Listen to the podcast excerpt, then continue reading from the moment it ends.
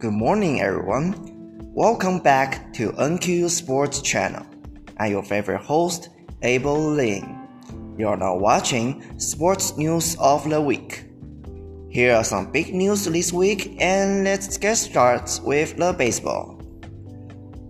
Chinese Professional Baseball League, also known as CPBL, announced the supplementary match schedule for the matches affected by coronavirus. CPBL today announced the first half of the CPBL season supplementary match schedule for those matches affected by coronavirus. There are currently a total of 13 postponements and 2 reverse games. The schedule for the supplemental matches has been scheduled since July 7th.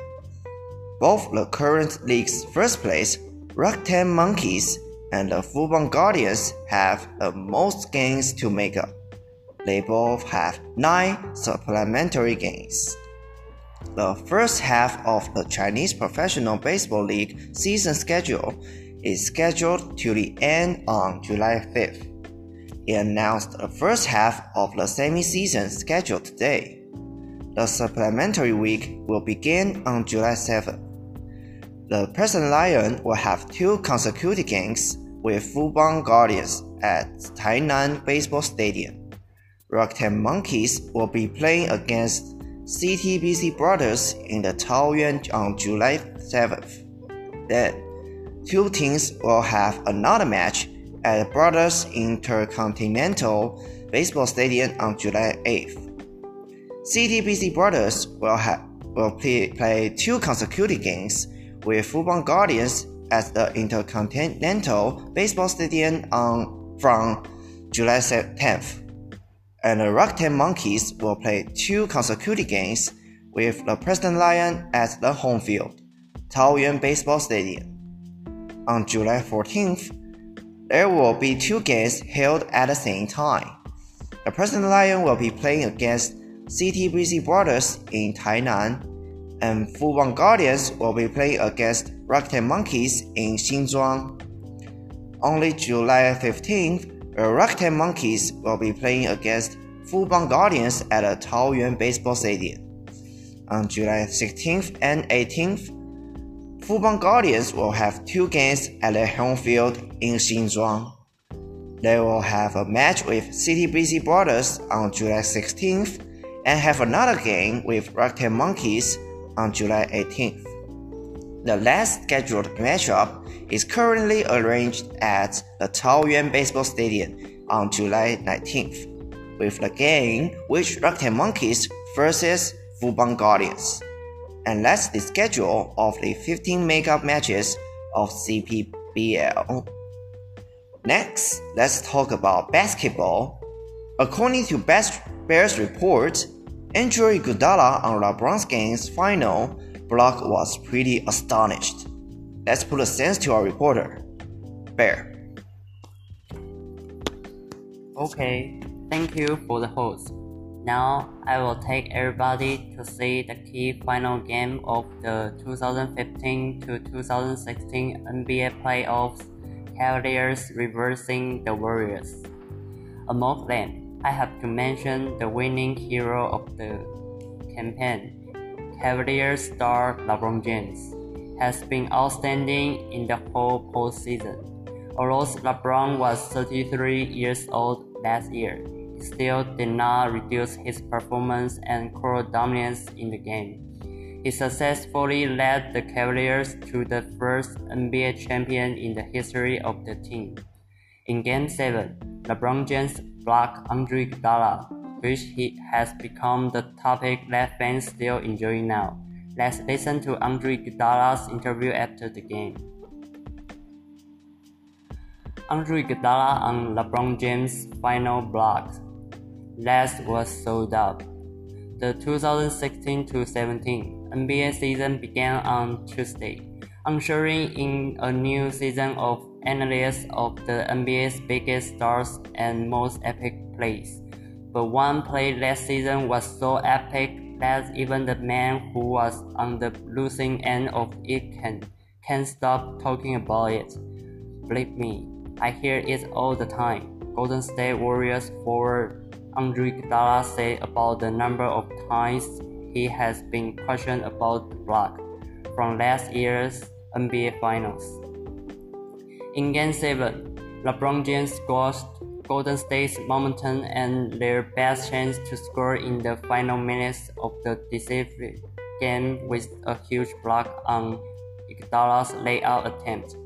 The Warriors would not score the rest of the game and the Cavaliers become NBA champions.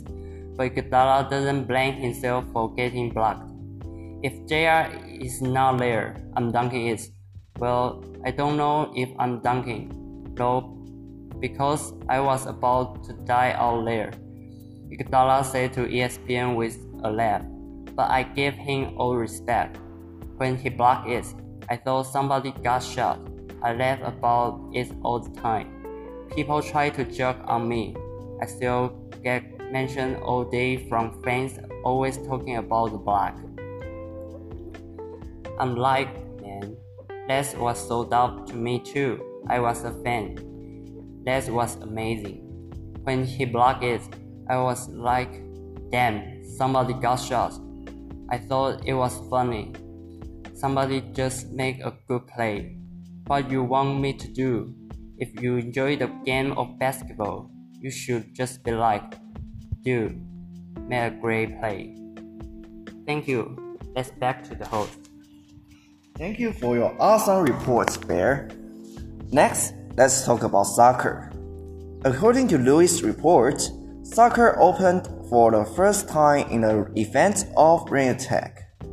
Taichung Futuro and Taiwan Power won the first and second place. Now, let's put a sense to our reporter, Louis. Thank you, Abel. The Taiwan Football Premier League entered the first round of the second round today and open its door to spectators for the first time. But the match was extinguished by heavy rain. As a result, the battle between Ming Chuan and Taiwan Steel is cancelled. Taichung Futuro and Taiwan Power have both won to stay in the top two. Hangyuan FC was unexpectedly forced to draw 0 to 0 by Red Lion FC, keeping the third position, but the gap was two points. Meanwhile, after a long wait for the match between Hangyuan FC and Red Lion FC at the Furen University Soccer Stadium in New Taipei, the match was a great success, with the epidemic being prevented and the situation gradually easing. The league was reopened to the public. The two teams start the match with a downpour of rain and after 19 minutes of battling in the rain, both sides gave up nothing. The Red Lions FC got their first point of the season. In another home match between Ming Chuan University and Taiwan Steel, the two teams drew 1 to 1 in the first half, and the second half went into the 72nd minute due to the heavy rain and thunderclaps. The offshore and judges assessed that the race was not suitable to continue and suspended the race. After two suspensions, it was deemed that the match could not continue due to safety reasons. The battle between Datong and Taiwan Power is the most eye-catching match of the day with Taiwan Power facing the visitors in the National Stadium, Taiwan Power took the lead in the 42nd minute when Jiang Xunlin scored a beautiful banana goal from outside the penalty area. Also, one player was sent off with a red card three minutes before the end of the game. Taiwan Power's defense held on to keep the match alive and Taiwan Power was able to win 1 to 0 again this year, double over Datong. Top ranked Taichung Futuro took on land home NTUS at Taichung's Taiyuan Stadium today in a Taichung Derby match between the two teams. Also, Land Home NTUS scored two goals with ball return. It was still no match for Yi Chen Zhu of Taichung Futuro, who scored two goals and a goal from Kata Yamauchi. Taichung Futuro defeated Home NTUS with 3 to 2 to claim its fifth win of the season. Taichung Futuro has managed to stay at the top of the table with 18 points. And now back to Abel. Thank you for your awesome report, Louis. Let's take a short break here. We'll be back for more sports news of the week. I'm Abel Lin. Stay tuned.